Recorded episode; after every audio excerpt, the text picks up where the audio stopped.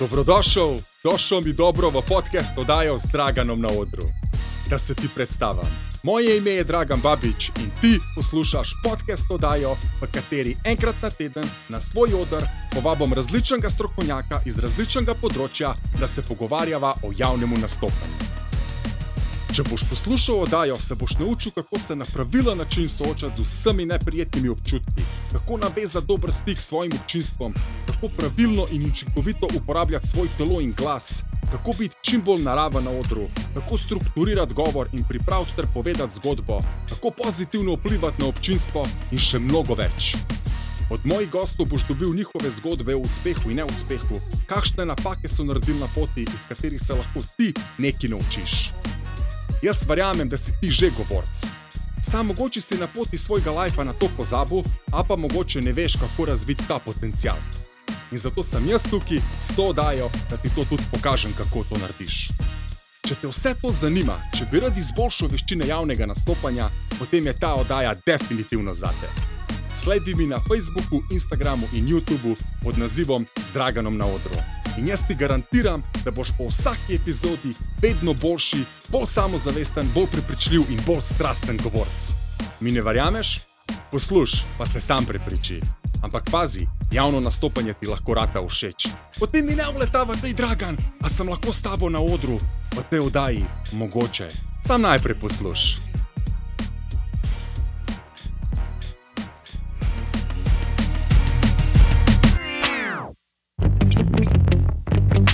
Zdravo, hej, hvala ti, ker poslušaš to podcast oddajo z Draganom na odru.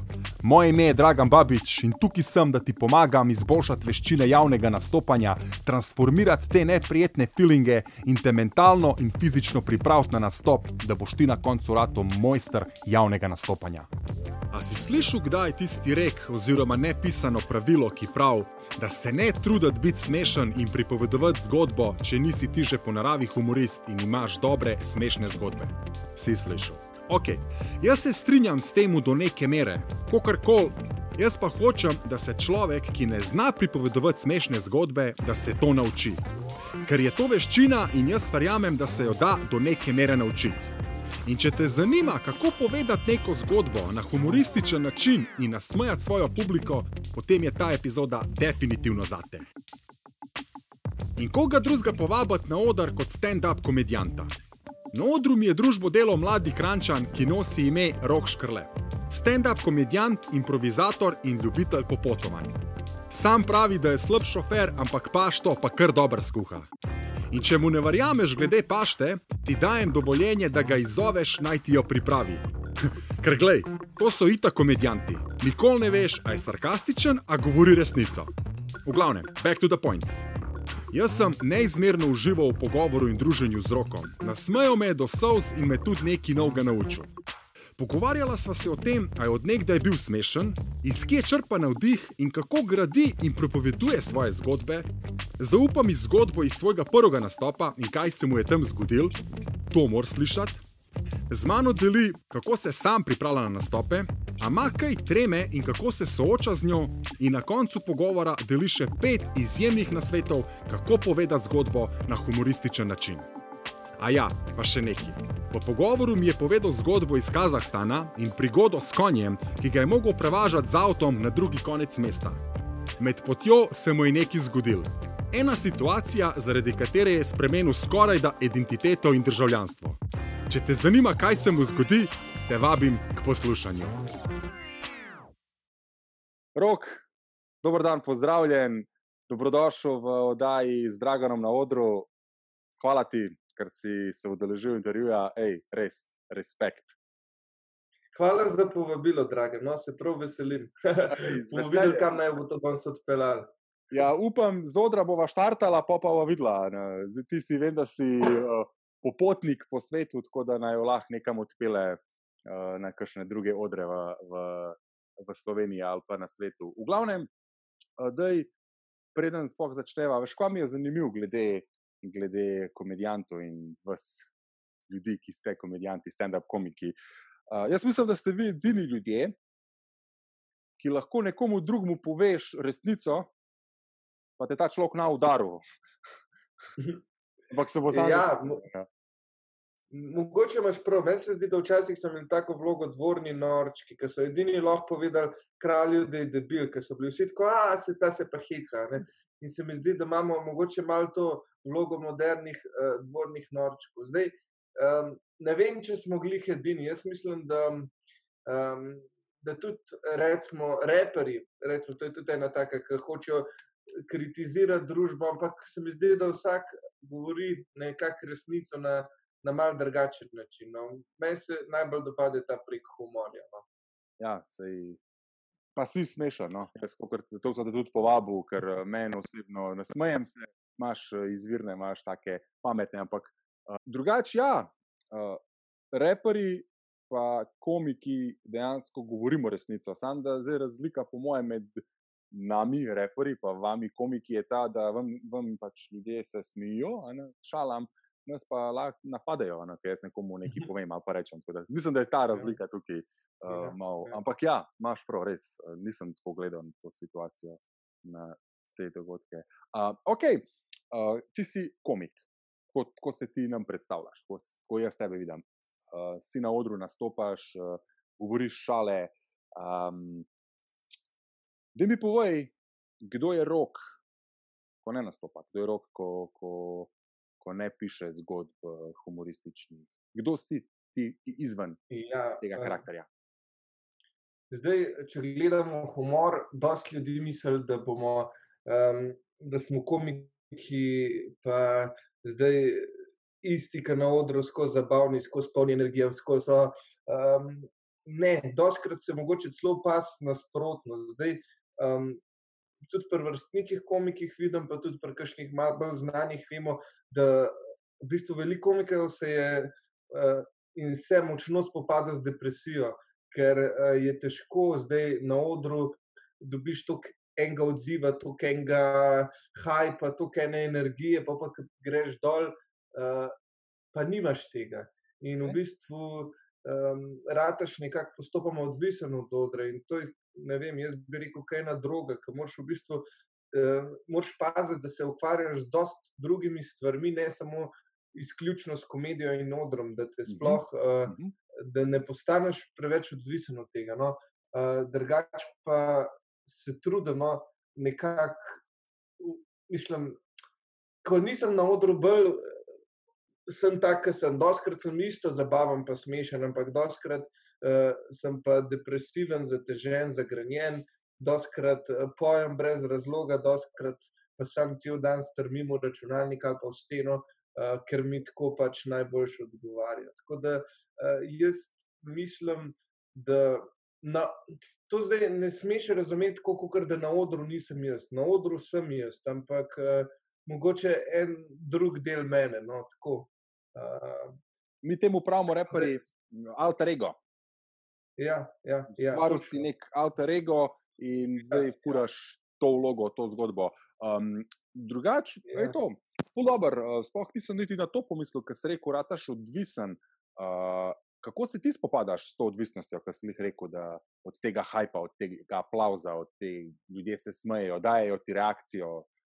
Ni tak feeling je dober. Ja, uh, res je, feeling je dober. Uh, ne vem, v bistvu, kaj je moj. Uh, jaz poskušam najti srečo še v drugih stvarih. Poskušam najti srečo v, v pesmi, v malenkostih, v tem, da ne vem, gremo hribe, pa pozdravim koga. Da, Uh, pojem na neprimernih mestih, da, da sem. Uh,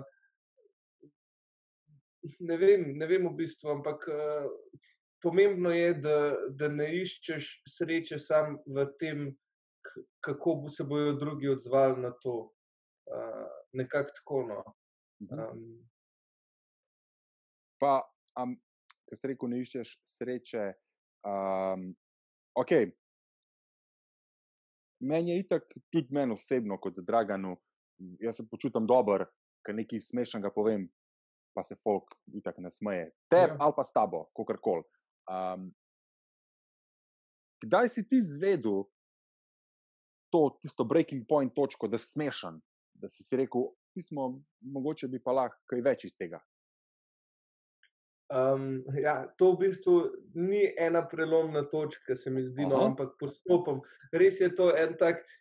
Jaz sem začel na svojo pot z improvizacijo. Poleg stand-up komedije, večino danes me sicer pozna pod stand-up komikom, uh, ampak se tudi dosta ukvarjam z improvizacijo.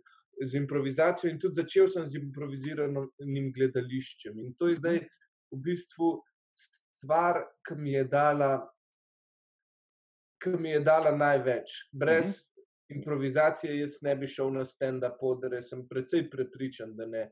Um, ne vem, ker je v improvizacijo mi je bilo lažje priti. Nisi sam na odru, ampak si timski človek. Jaz sem zmeraj bil malo bolj timski človek. Tudi, ne vem, košar, ko sem treniral, mi je bil dober šport, ki je bil timski. Uh, ker um, doskrat ti sploh ne izpadeš dober, da moraš reči, ne daš veliko pik, ampak daš pa podaje, držiš trdo obrambo. In recimo, tako je bilo tudi pri improvizaciji.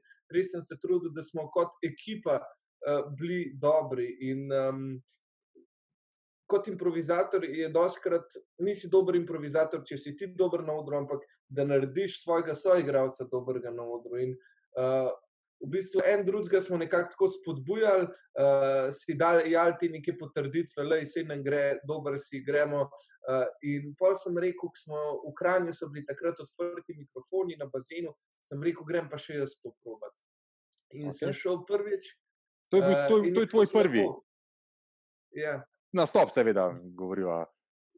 Ja, ja. A, prvi okay. je bil leta 2013. Ja. Okay.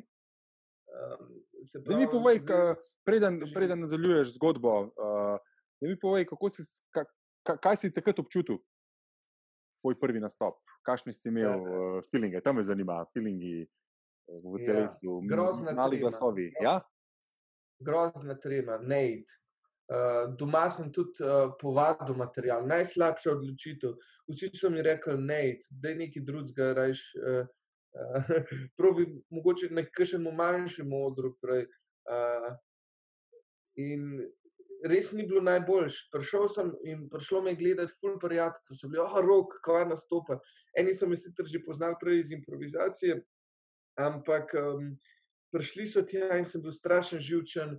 Pet minut sem mogel narediti, zdaj pet minut se sliši ful mal, ampak ker si pet minut na odru, je to ogromno.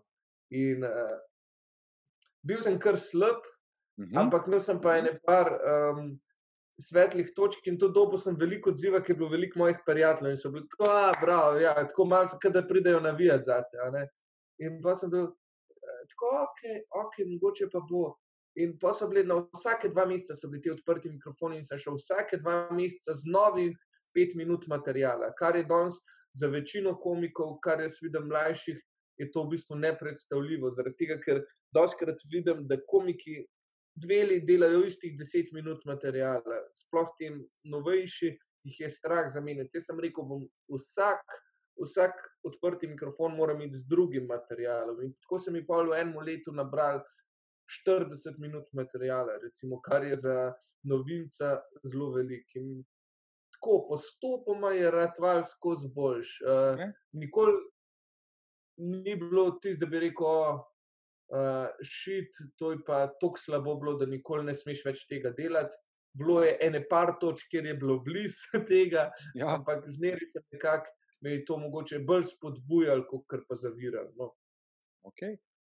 Uh, Kaj si rekel, da, da si imel na začetku ogromno tremo? Uh, kako se zdaj, danes, spopadaš? 2013, 2020, sedem let izkušenj, sedem let javnih nastopov, govorjenja pred kamero.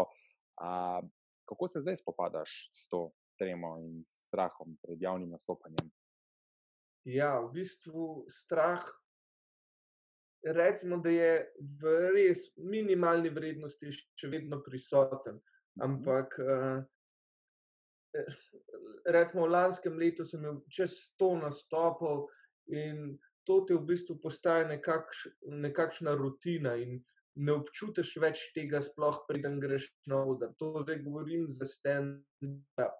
Tudi um, ko vadiš, ko poveš svoj material 50 krat in ko dobiš od tega 48 krat dober odziv in ga izpopolnjuješ, tam, kjer ni bil, ga še malo spodbujaš, gledaš posnetke. ker tokrat nastopaš, zaupaš v svoj material in tukaj se mi zdi ključno. Um, če moraš zaupati v to, kar govoriš, da dobro govoriš. Uh, če ne boš ti verjel v svoje šale, v svoj izdelek, uh, noben ne bo kupil, noben ne bo. In, uh, Tako da v bistvu strah je zginil, uh, sorazmerno s tem, kar se je meni povečalo zaupanje v svoje, uh, svoje šale, ki jih govorim.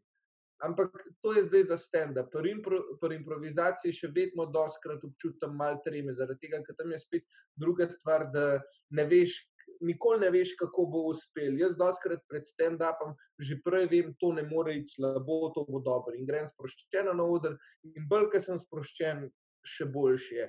Pri improvizaciji nikoli ne moreš biti čist siguren, ampak um, še zmeraj je zelo pomembno, s kakšno energijo greš na oder. Um, je pa res, da pri improvizaciji še vedno čutim malo več treme. Uh, tako da rekel bom, pri stand-upu trema strah izginja, pri drugih stvarih, v katerih pa nisem mogoče še tako mo na močnem področju, pa še vedno ostaje. Recimo, zdaj ti bom povedal en primer. Leta 2017, tri leta nazaj, sem crowdworkal na EMI 2017 in tista EMA je bila big thing. Sploh za me, takrat sem bil še večkrat bolj novinc in sem kar naenkrat na televiziji ogreval. Več kot tisoč ljudi je bilo v tisti, uh, ali tam okrog tisoč na gospodarskem razstavišču, in jaz sem jih ogreval, jaz sem govoril, da je to, ploske, da je to. Uh, ampak nisem bil, nisem bil živčen tu. Naslednji dan po Emi sem imel glavno vožnjo za avto. Um, nisem zaupal v svojo vožnjo, nisem vedel, sam da se je usedla tista. Um, inštruktor, ne, je, um, ja, ja, uh, zraven mene sem postal tako moker v hrbet, nepremično sem stal. Tako zanimivo je, da gledaš, da je to isto časovno obdobje in da večino ljudi bi bilo neprimerljivo bolj strah pred tisočimi ljudmi govoriti. Mene je bilo pa pač v tem primeru veliko bolj strah sedeti zraven uh, inštruktorce vožnje. No. Tako da eh, strah še vedno ostaja, vendar ne v tistih stvarih, o katerih sem prepričan, da to, kar delam, delam dobro. No.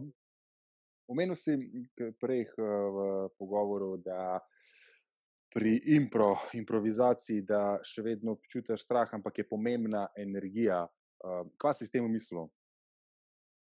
Um, ja, ja, energija, s katero vstopiš na oder. Ali imaš ti uh -huh. manj, da je to bo hodo. Uh, ali si malo utrujen, ali si mogoče prej spil eno pivo, pozna se tudi to, um, ali si v slabem smislu, da se uh -huh, uh prav razumemo. Uh -huh. um, ali si malo utrujen, ali si v pričakovanju, ali ti to veliko pomeni, sploh ali ti ne tako, take stvari. No, in to se vs, vsaka taka malenkost se, se na koncu pozna na predstavi. Mm. No, itak, itak, itak. Vem, mi že kot reperi na začetku si se itak ali napil ali pa kaj spil, dokler pa nisi spoznal, da v bistvu alkohol ti lahko tudi škodi.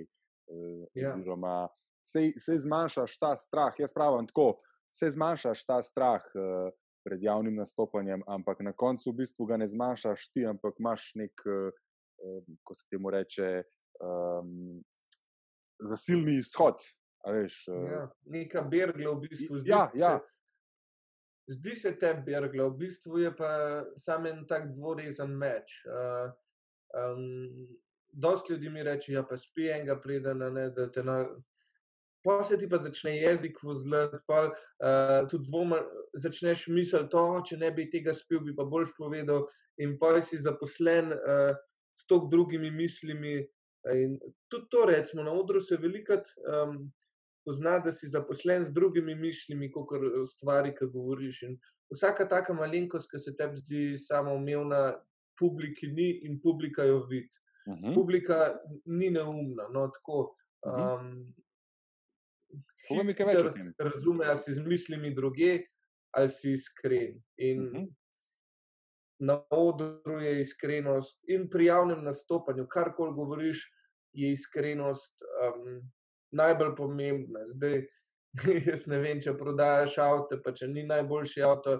Pa ne vem, če ti lih iskrenost ful pomaga, ampak eh, pri tem, kar pa jaz delam, se mi zdi pa iskrenost ključna. No. V bistvu, jaz bi tako rekel, mm, že sam sebe smatram kot prodajalca in verjamem, da včasih iskrenost, ja, na, na kratki rok ti mogoče ne bo prinesel tistih rezultatov, ampak kar hoče šef slišati, ali pa direktor podjetja, ali pa kar ampak na dolgi rok, definitivno, če ti vidi stranka, da ti rečeš, gledaj, gospod, gospa, ta avto ni za vas, ampak je ta avto za vas, verjamem, da ti si dobil for life stranko. Ja. Pa tudi, recimo, če je ta avto, ki ga ponujaš, cenejši. Ja, ja. ja. ja, res. To se jaz se spomnim enega dogodka, še pred leti, ker sem uh, v bistvu prvič delal kot prodajalec, uh, dejansko tisti door-to-door prodaja. Uh, tele Family Frost, če se spomniš, tisti uh -huh. sladoled.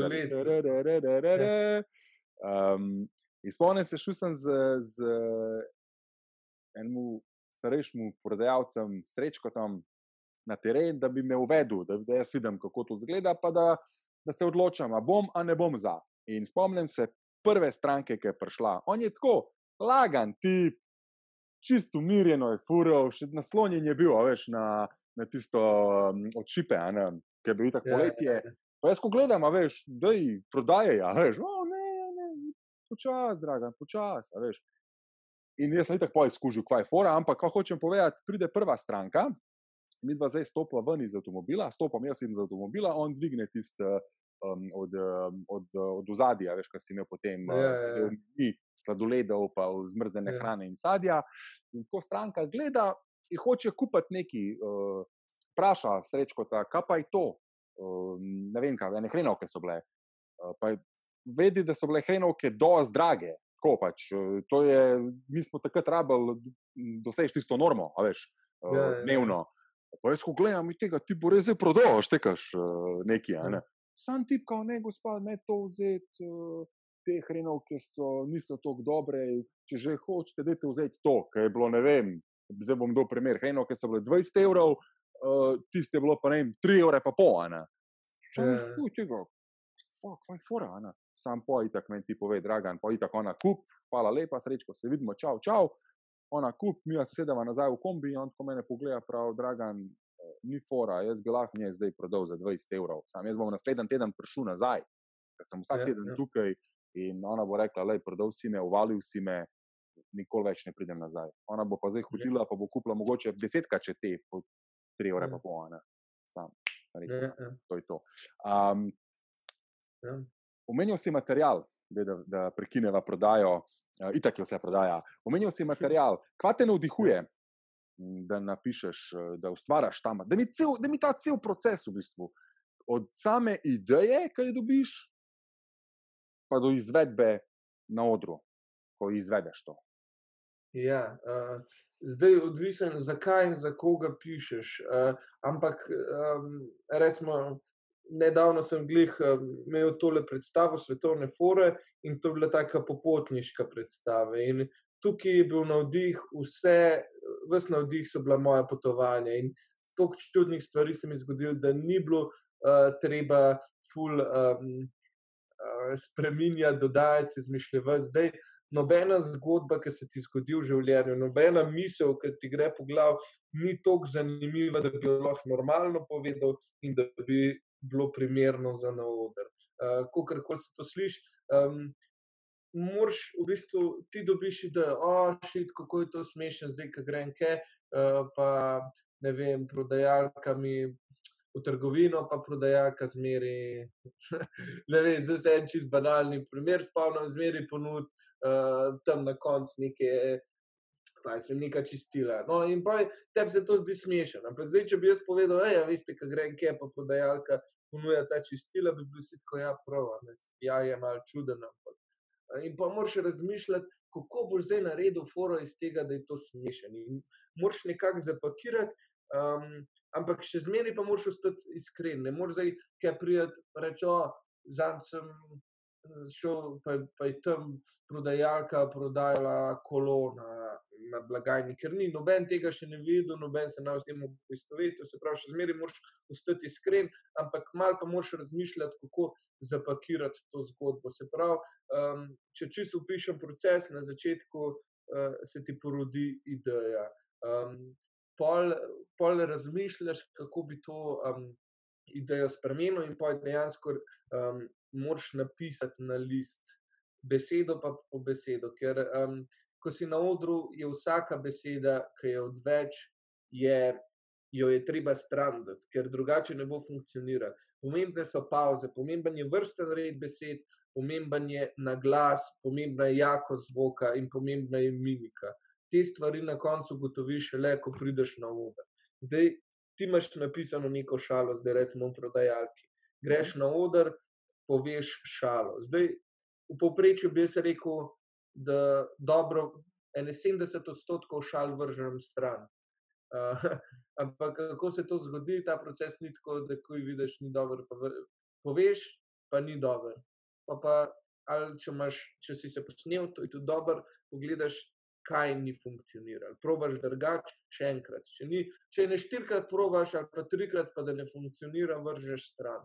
Um, če na začetku ne funkcionira, pa pol gre skozi boljš, tako moš malo prepoznati, a šala ima potencial, a ga nima. Tudi doskrat se pogovarjaš s komiki, pa ti komik svetuje, zakaj pa to dvakrat ponovej.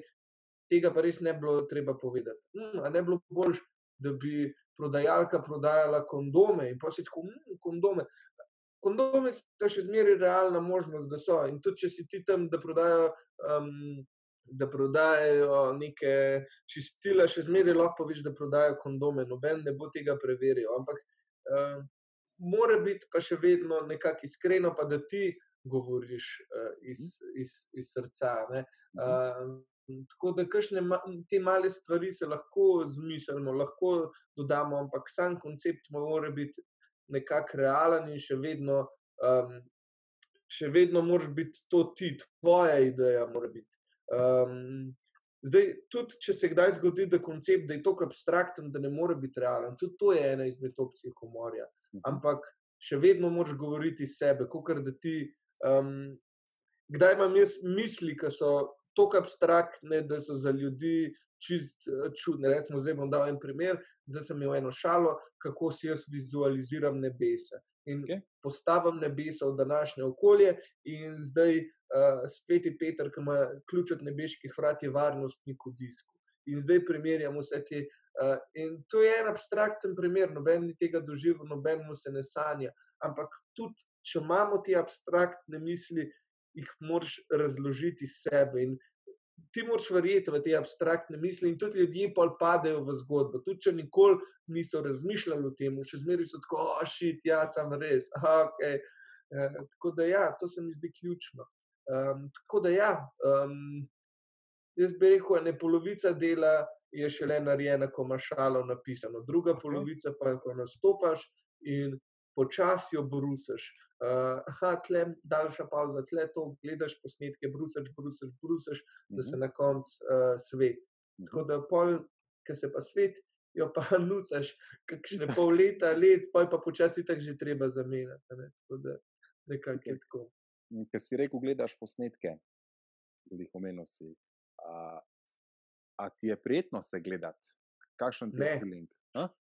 Ne, jaz mislim, da nobenemu normalnemu človeku ni prijetno, grozen je. Grozen je. To je naj, najtežji del, bi rekel, komedije, mogoče, najslabši. In doskrat imam posnet, pa sem sam tako ne, plis, ne morem. Kako se lahko ljudje temu smejo? Zmeri, jaz sem ponavadi, po mojem, še malo doskrat sem še pre, preveč tako, ker do sebe sem tako, da je rok. Aha, in je težko, vsaka beseda se ti zdi grozna, sploh, ko poslušaš svoj glas, tako to nisem jaz. Um, ampak opažaš pa take stvari, ki jih drugače na odru ne. Recimo, da skozi govor, jaz ful govorim pač, pač, pač, ja, in a, ne, a veš. In to, pojka gledaš te posnetke, si tako, dej te pače ven, dej to ven zmeri se praskaš, to ljudi moti, da pozornost iz tega, kar poveš, ok, njih se praska. In tako, um, mm. take stvari. No.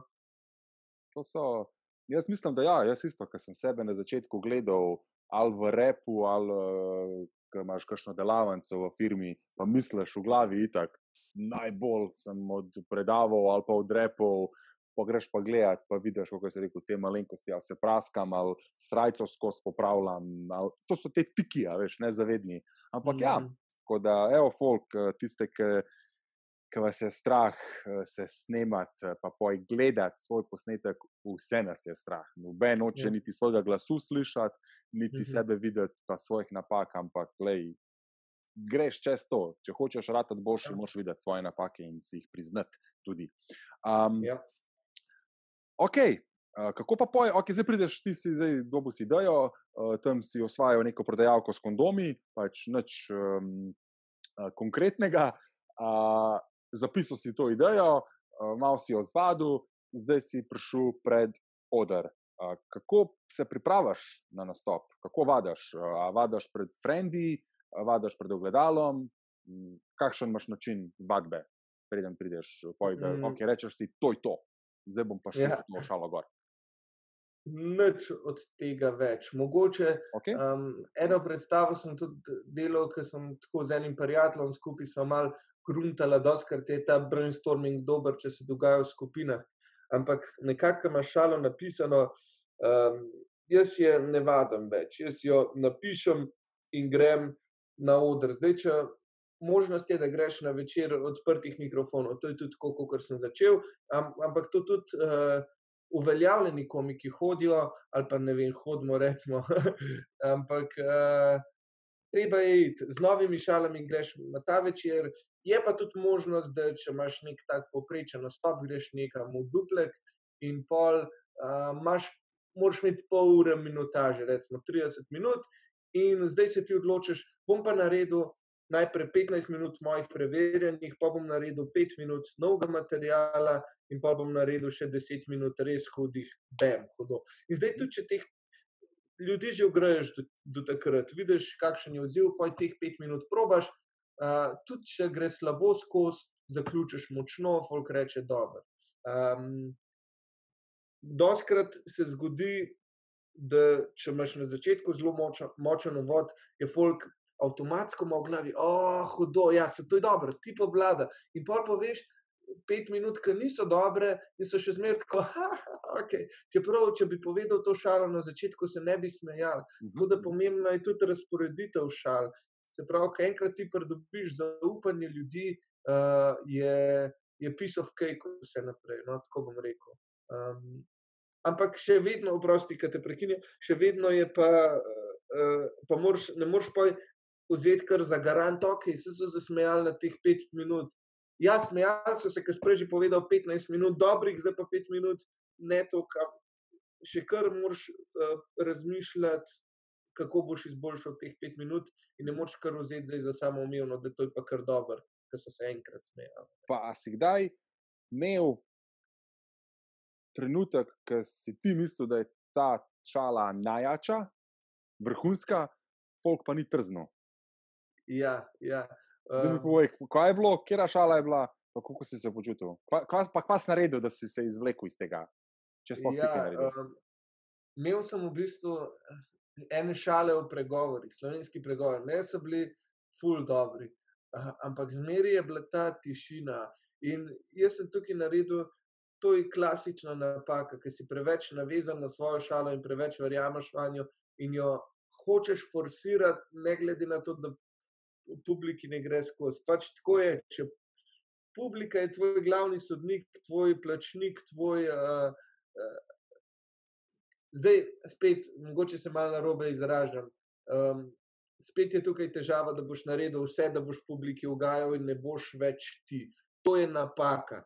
Uh, Mhm. ampak uh, še zmeraj, če pa tebi ena stvar ful všeč, pa da publiki, da poveš desetkrat, petnajstkrat to šalo in publika še vedno ne reagira, um, nekaj treba spremeniti. Uh, bom dal zdaj sam najprej primer pižame, ki je malce krajši. Pižama je imel en jok, ki je bil sam preveč za razmišljati za ljudi. Imel je en jok, lih takrat je bila tista afera o da uh, cepljenje povzroča avtizem. To so bili tiste neke, o, te mamice so se neki bunile. In pa je on um, imel uh, šalo, zanj sem cepil drva, zdaj imam, ne, zanj, ja, zanj sem cepil drva, tako da imam zdaj en kubik drv z avtizmom. In um, on bi povedal nič prej od tega, da cepljenje povzroča avtizem, ampak sam ta ta drug del in zmeri tišina. In mi smo mu skozi govorili, da je spremen. Povej saj, da cepljenje povzroča avtizem. Pre... In ni hotel, je ne 15, kaj ti to povedal, je rekel, no, sem pa spremenil. Uh, jaz sem imel pa šalo s pregovori, zmer sem imel, uh, ker sem imel, zdela se mi dobro, imel sem, um, ne vem, kakšne vse imamo slovenske pregovori in začel sem, da imamo uh, najprej čudne pregovore, recimo uh, obleka naredi človeka, da, prvi pogoj, da človek nastane, je, da daš obleko dol, ta pregovor nima smisla. Pa sem imel, sitna muha ne živi dolgo, ta pregovor je neumen, poprečna muha ima življenjsko dobo 9 dni, nobena muha ne živi dolgo. In pa sem imel, ne vem, imamo vse sorte šale, imamo šale o um, priljubljenosti slikopleskarstva na slovenskem, vsak oči ima svojega malarja. Uh, imamo pregovor o gejih, enake sorte tiči v kupletijo, imamo pregovore o lezbikah, dekla se po gospodini vrše. In ne vem, jaz, jaz sem se tako poglobil v te pregovore, napisal sem jih 50, pa tiste, ki so mi najbolj všeč, sem jih dal noter, ampak tako. Zmer tišina, zmer tišina, na koncu se pri tem ugeju smejal, pa še to nisem bil čizihar, zato ker mi je bilo smešen, kar povemo, zato je bilo, ah, okay, ok, doskrat je tako, da. In sem jaz ustrajal, spremenil, ampak ne, pa, pa sem videl, da je rok preveč navezan na to šalo, da je ven. In sem jo dal ven. ne, ta je, ta je res. Um, v bistvu, ja, ki si, si navezan na, na svojo tisto zgodbo, šalo, kar poveš, idejo, pa na koncu vidiš tiste ptički, noben, ja, ja, ja. noben, noben ne daje nobenega odziva. Um, a smo mhm. kakšno, ne, ko smo glih eh, pri teh neprijetnih šalah, um, kakšen neprijeten uh, dogodek, uh, ki se ti je zgodil na odru? A spadu ali pa se ti kaj. Uh... ja, teh dogodkov. Um... Bizarni, ko tukaj nastopaš, se bizarne stvari dogajajo. Zdaj, na začetku, sploh na začetku, so itak take, ne vem, je dogodek, pa pride šest ljudi, ali pa je dogodek, pa nastopaš uh, za tabo, so neka folklora pred tabo, uh, neki pevski nastop, unih ljudi, ki pojejo na grobu in pa ti prideš ke in te napovejo že tako zebone, sketch povedo in ti govoriš enim, uh, v publiki so plus 70, pa do 10 in pa ti tam govoriš neke svoje šale in folk gleda, kaj ti ni jasen. Um, grozni nastopi, privatni nastopi, kršni so grozni. Enkrat sem nastopil na 50-letnici. Okay. Mi povejo tri ure pred nastopom, da nimajo zvočenja. In komiki smo zelo navezani na zvočenje.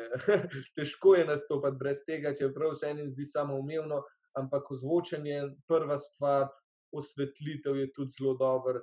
Tako imamo ene par zahtevno, ampak uh, zvočniki, uh, pa mikrofon je osnova in niso imeli. In pa sem jaz uh, tik pred nastopom, um, sem pri prijatelju si sposodil meščalko zvočnika, ampak nikoli nisem še povezal.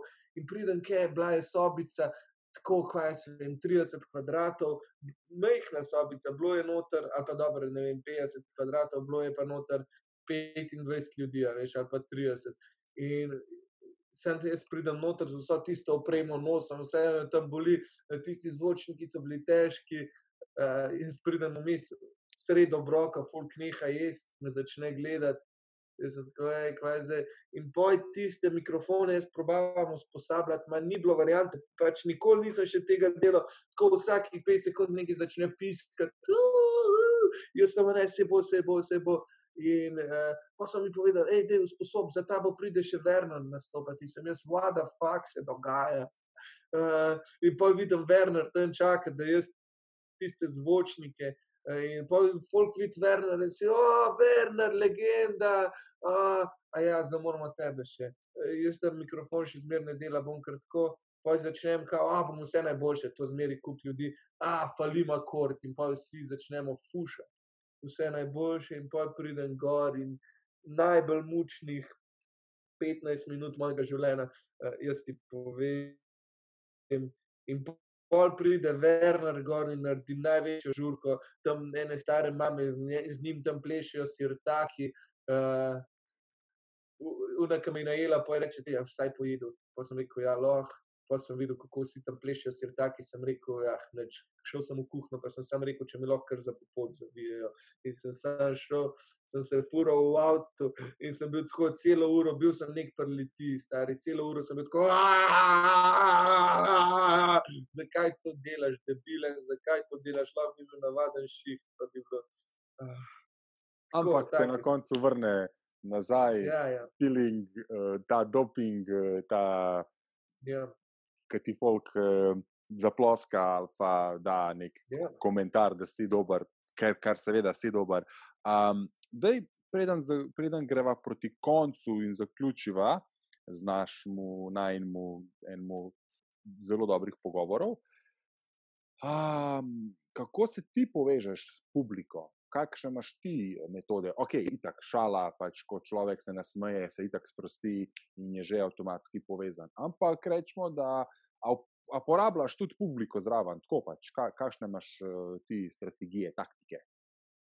Ja, um, zdaj odvisen od nastopa, odvisen tudi, kakšna je situacija in kakšna je publika.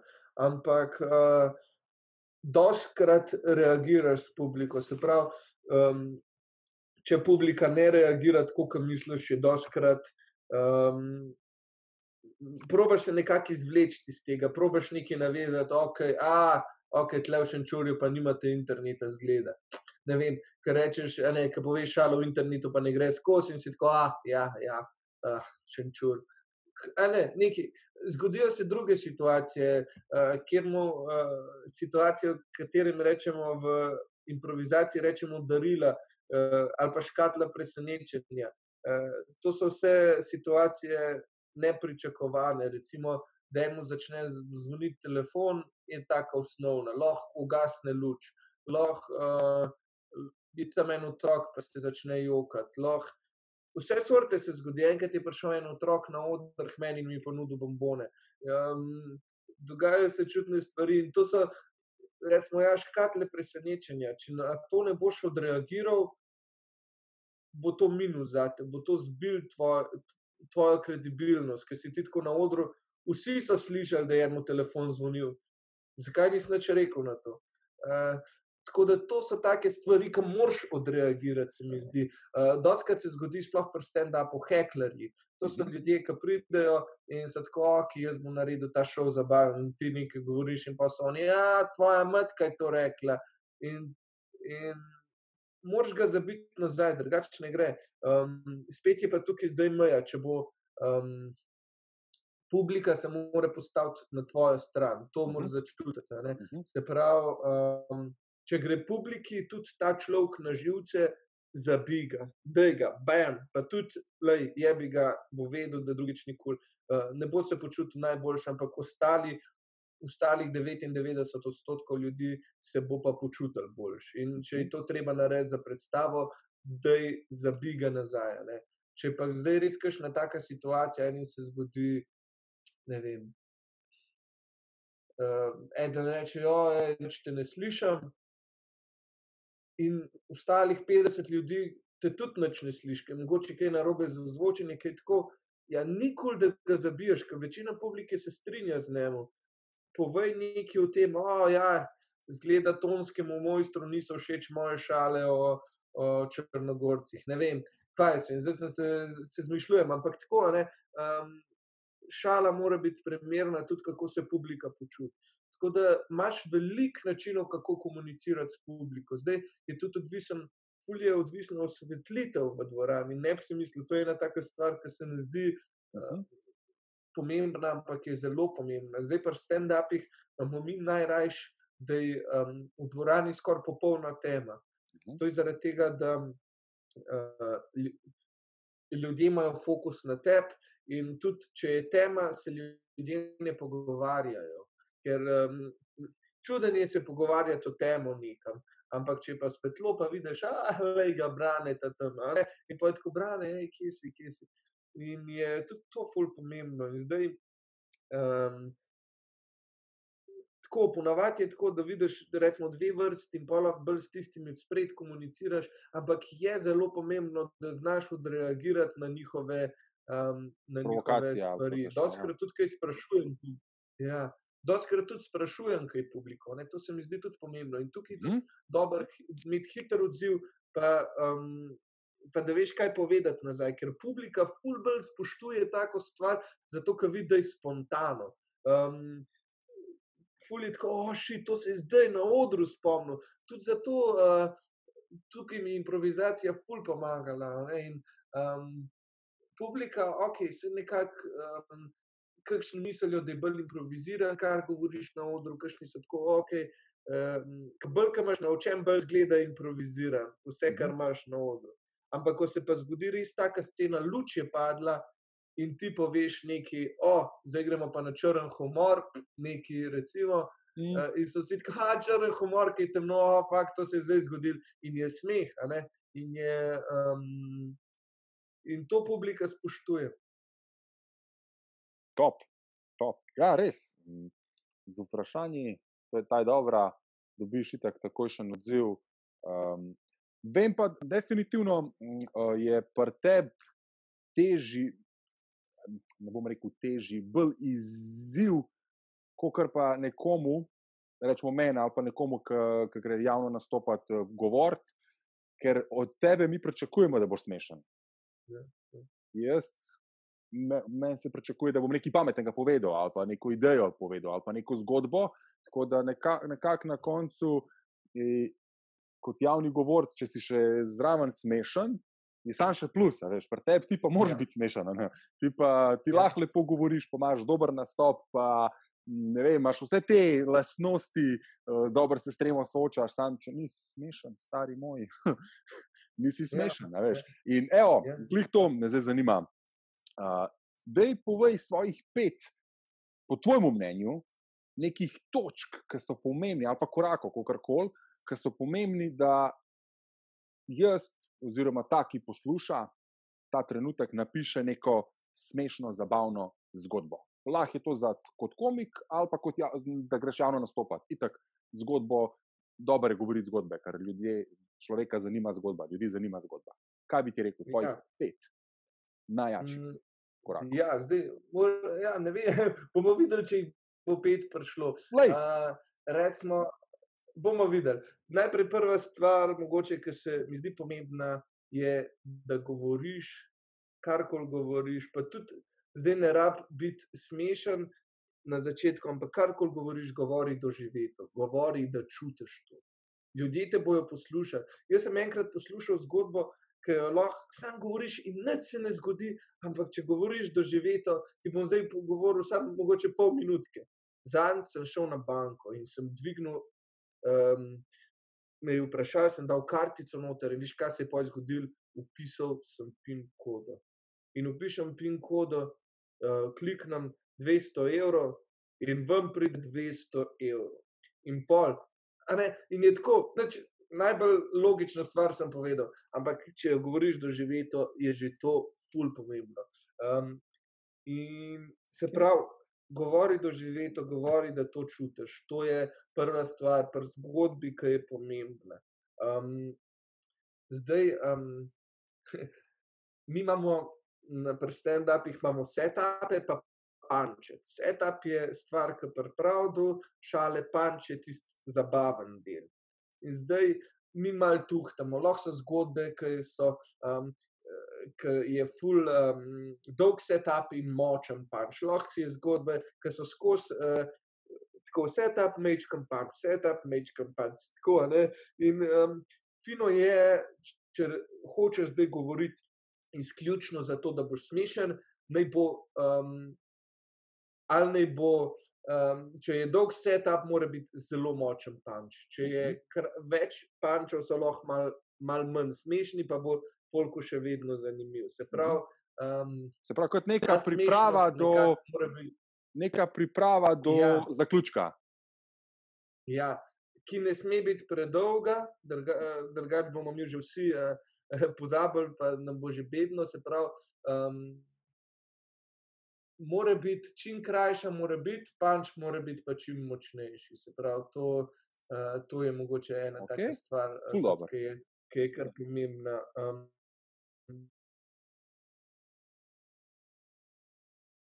Zdaj, pri panči zgodbi glavna stvar humorja se mi zdi je presenečenje. To je ena izmed um, stvari, um, ki je pomembna. Se pravi, um, ne govoriti tistega, kar pričakujemo.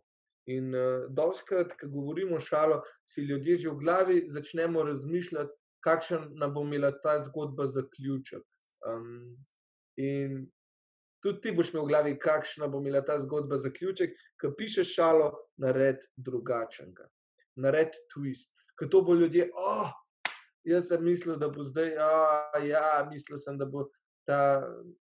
Tako, da bo zgodba potekala drugače, ampak ni, haha, full dobro primer, ki je to uh, presenečenje, ki je glih na P. Uh, to si uporabil, zdaj ne vem točno v Kermu videl, ampak si uporabil za Franceta Prešerna, da slovenci ga poznamo kot uh, P. In si povedal, folk ja. in je folk rekel, pijanc, ja, pravnik. Ja. Uh, Prav, ja, to je ena izmed takih uh, točk presenečenja. Tako da to je, um, to, to je pomembno v zgodbi. Um, zdaj, tako, vsak mora nekako najti svoj način humorja. Prav, svoj način lahko, to... lahko dava četrto svoj način, svoj, svoj, ja. svoj stil, svoj način. Ja, ker uh, nač, sort humorja je tako velik, zdaj ti sploh ne morem. Um, pač, ampak tako imamo situacijski humor, imamo uh, humor, ki um, imamo tako inteligenten humor, ki moraš razmišljati, imamo besedne igre, imamo toliko enih različnih, uh, imamo um, humor s pripomočki. Ki, um, To je, je različnih načinov, ampak fino je najti uh, nekaj, kar ti odgovarja, nekaj, kar bo presenetilo, nekaj, kar bo zanimivo. Um, fino je tudi, da se ljudje lahko s tem poistovetijo. Prav, to lahko damo kot peto. Ja, lahko. Da, uh, lahko jaz sem všeč. Malo bi bil slab profesor, ne znam to po teh točkah, ampak da si zapiše, kako se ti zdi. Ampak, uh, Zapisujem ja. se za to. Ja, uh, se pravi, peta pojedava, da se ljudje poistovetijo. Ja, da je to, da je to. Ljudje morajo padati, čutiti se morajo kot del zgodbe. Ker če se ljudje poistovetijo s tabo, um, so avtomatsko del te zgodbe. In to človeku pomeni veliko. O, ja, to se je meni tudi zgodilo. In to je, recimo, pri posnetkih se doskrat vidi. Um, če daš nekaj tako, um, eno tako zgodbo, s katerimi se ljudje poistovetijo, je full spodaj več teh nekih tegov, ah, Johnny, to spati, ali pa, hej, brat. A te na koga spomnim, so si tako, ja, branje tudi, ne vem, skozi. Ne vem. Ampak tako, ljudje se morajo poistovetiti. No.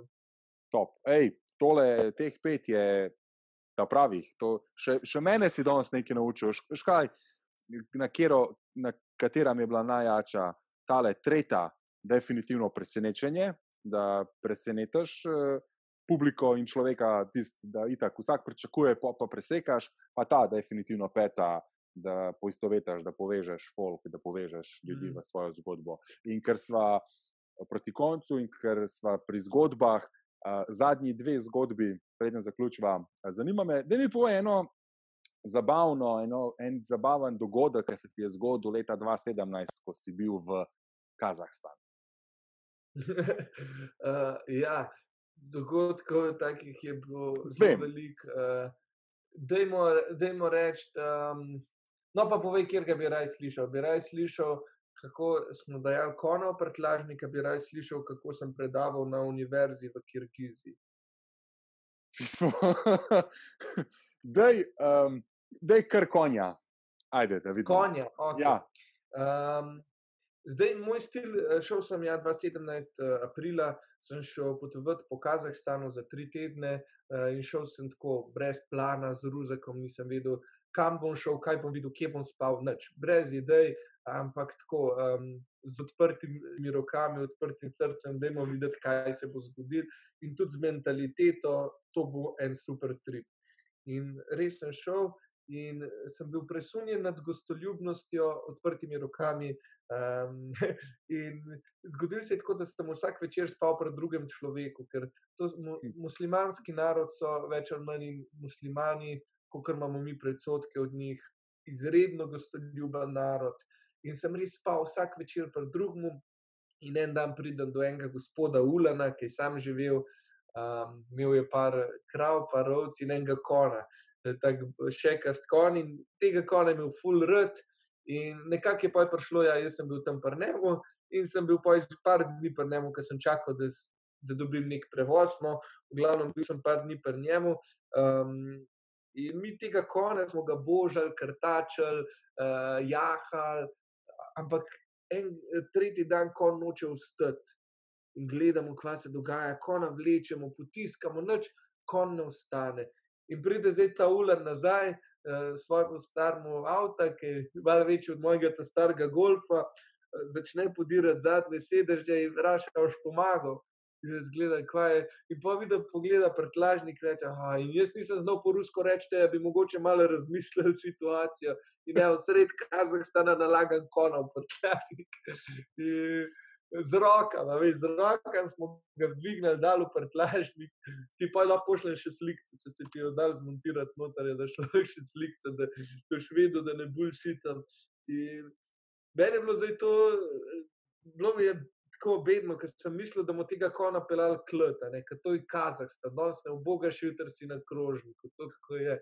In, Pa je rekel, gre z mano, sem rekel, ja, grem, kva ne počnem, tukaj sred Kazahstana, grem in gremo v tistem starem avtu, v tisti stojoti, piči, zavije z ceste, no z ceste, dobro dol, ampak nekaj na stepo, gre in 90 se furava čez stepo, sploh nobene ceste, vse se ruka, vsake tok cajt od zadnji se zli. Bilo je, bilo je čist bizarno. In stvar, da bi bila še bolj bizarna, sred stepe, nobene ceste ni bilo policaj. policaj. In to, In to so kazahstanski policajci, ki so tako brzo streljko, imajo in tebi tako, šit, kaj se to zdaj dogaja. In jaz sem, jaz sem tako v glavi že začel razmišljati, o ne. Uh, jaz ne poznam tega človeka, nimam keša za kazano, jaz sem francos, tam že tkale, že te ene francoske stavke sem se začel zmišljati. Valjda na je kapsu stal, edina so bila verjetna, ker so v zadnjih petih dneh se mi pripeljala. In policaj vstal, pogleda mene, pogleda ulana, pogleda kona zadnji, se namrš. Draga, veš, kaj je vprašal, za koliko prodaš? Ti moj hotel kupiti kona s prtlažnika. In jaz sem bil, da je prodaj mu ampak ta debil mu ga ni hotel prodati. In sta se začela tam kregati. In pa je rekel, ok, ok, če pa nočeš prodati, bom pa najdel nekaj na tem avtu, kar ne štima, pa za to, da bo kazal. In on, ok, prav, prav, prav. In ta avto, stari, ta avto, manj tehnično spravljen, kot Titanik po potopu. Res, to je bilo tam butlen desni špeg, ki ga sploh ni bilo, iz Airbaga presežem je tako puhek v narastu. Kazahstanci, to je ena zanimiva stvar, imajo vsi odrezane varnostne pasove, ki pa njih velja za žalitev, če se prvežeš, kao ne zaupaš v njihovo vožnjo. Tako da vsi pasovi odrezani, stari. Pa tudi, ej, rezervna guma, pa prva pomoč, tudi če jo bo imel, res rekel, ja, za to prtlažnik, sem konj malo rid dvigati, veš, ni tega ni. In policaj to gleda, vse res je bil tako, prija nazaj z namršenim čelom in reče, no, tokrat vse v redu, ampak naslednjice merkajte. Prav tako, stari, Kazahstan, Kazahstan, prav. Edina no. stvar, ki je važna, je, da so štiri gume, volam pa trobno. To... pa konj, uprtlažnik. Ena konska moč več. Ja. Ena konska moč. Evo, ja. Jaz mislim, da jaz sem hotel še eno vprašanje postaviti, oziroma, ampak jaz bi rekel, da oziroma kar bom postavil, pa lej, se boš pa sam odločil. Um, imaš svoj zadnji nastop, svojo zadnjo šalo. Kva bi rekel? Katero šalo bi povedal? Ha. Jaz mislim, da ne bi povedal šale. Okay. Jaz mislim, da bi povedal nekaj čustvenega. Um, rad zaključujem nastope z nečim čustvenim ker na začetku ljudje še nismo pripravljeni na čustva, na koncu um, konc so čustva močna stvar. In zdaj čustva so stvari, ki jih ljudje odnesejo s sabo. Smeh jim je dober, se počutijo v redu. In čustvo pa se drži s tabo in ostane tudi, ko greš domov. Tako da dobro je, če imaš predstavo, tudi če imaš govor, tudi če imaš nastop, ne se bati zaključovati čustvi. Čustva se ljudi dotaknejo in tako da bi zaključil s čustvom. Tudi tle, ki sem imel predstavo. Um, Pri predstavi si lahko dovoliš malo več, ker imaš malo več časa. In ni fino, sam, haha, pam, haha, pam, tu, tu, tu, šopa te punčline.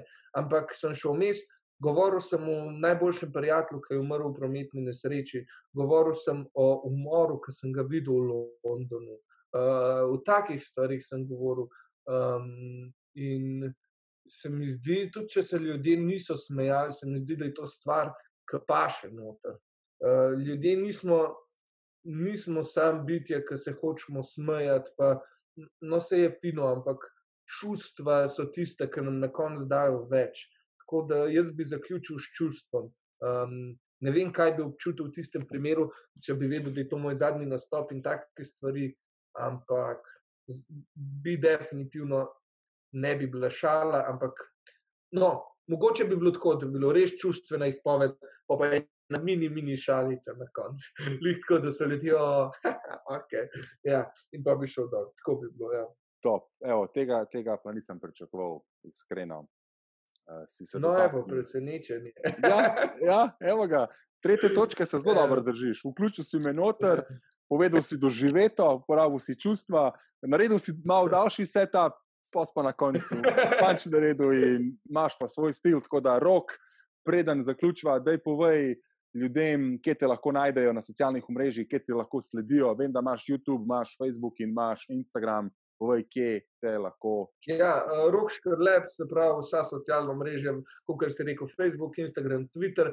Zdaj se tudi uh, lotevam malo bolj. Um, malo bolj na YouTubu, no, uh, ste, ne Twitter, Twitter ne, sorry, malo sem Facebook, Instagram, YouTube. To je spet stvar zaradi tega, ker sem razmišljal o drugih stvarih.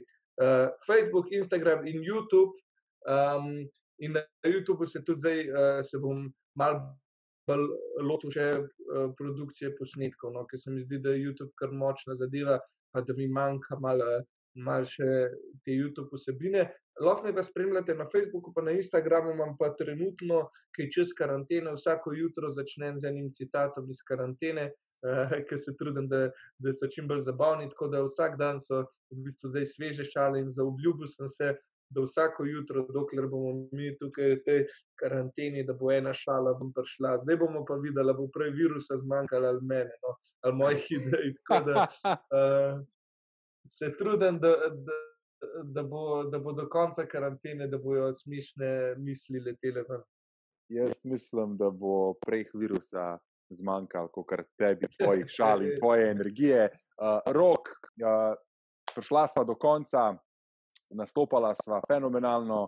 Publiko, upam, da sva nasmejala, tukaj nimamo odziva, mene si nasmejal, tako da v bistvu si dosegel svoje. Um, jaz se ti še enkrat zahvaljujem, upam, da so ljudje odnesli uh, veliko. Jaz, definitivno, sem si me nekaj novega naučil in uh, iskreno, hvala ti. Ostan legenda, kakršna si in to je to. Hvala tebi, dragi. Hvala za povabilo. No, res. Drž se pa še naprej stvari. Srečno v Londonu. A si v Londonu? Tako, v Londonu, v Londonu sem. Da, no, drži se, pazi nas, bo Bova pa še podebatirala malo v Londonu. Bova, zdaj, ko prekinem, greva podebatirati v Londonu, ker ne moramo pa vsega dati ljudem. Ne, ne, ne moramo, ne. Ne čakajo, ja, čau, ne čakajo, ne rečejo na koncu, kot tisto, veš, pri koncertih. Uh, pri koncertih, ki ljudje pa hočejo še zadnji komada, veš, da pride ljudje nazaj. Ne, ne, hočejo, ne rečejo, da je roka povab še enkrat v, na intervju in takrat bova pa tudi javno spregovorila. Ja. Kot si videl, sem pa obupen v zaključkih. ne znam končati. Evo, sem pa jaz končal, tako da do naslednjič v Londonu. Rok, uživaj, lepo se mej, hvala ti. Ajde, čau. Čau.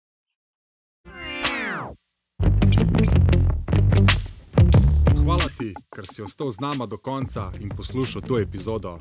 Jaz upam, da ti je bila najboljša epizoda do zdaj in da si se vsaj malo sprostil in nasmejal. Jaz vem, da sem se. Kar mi je pa najbolj pomembno, je pa to, da si se nekaj naučil. In zdaj veš, kako povedati zgodbo na bolj humorističen način. A ne da veš, itak da veš. Zdaj pa pride do tega, kako to zgodbo sestaviti. da bo imela nek začetek, neko jedro in proti koncu dramo in jo zaključati. In kako to narediš, no, to boš slišal v naslednji epizodi. Na svoj odr sem povabil še enega roka in še enega krančana. In ne, to nima nič s tem, da sem tudi jaz krančan. Ali pa, v glavnem, to ni point. To je moj najboljši prijatelj. Jaz mu pravim slovenski Steven Spielberg. Človek, ki ima kreativnost na vrhuncu. To je Rok Kadojič. Direktor No Gravity Media produkcijske hiše, TEDx govorec in človek z velikim srcem. Zato te vabim, da mi slediš na Facebooku, Instagramu in YouTubu z Draganom na odru, kjer boš dobil vse informacije o tej in vseh novih epizodah, ki sledijo. In kdaj pride ta epizoda? Naslednjo sredo. Se slišva takrat. Uživaj. Čau! thank you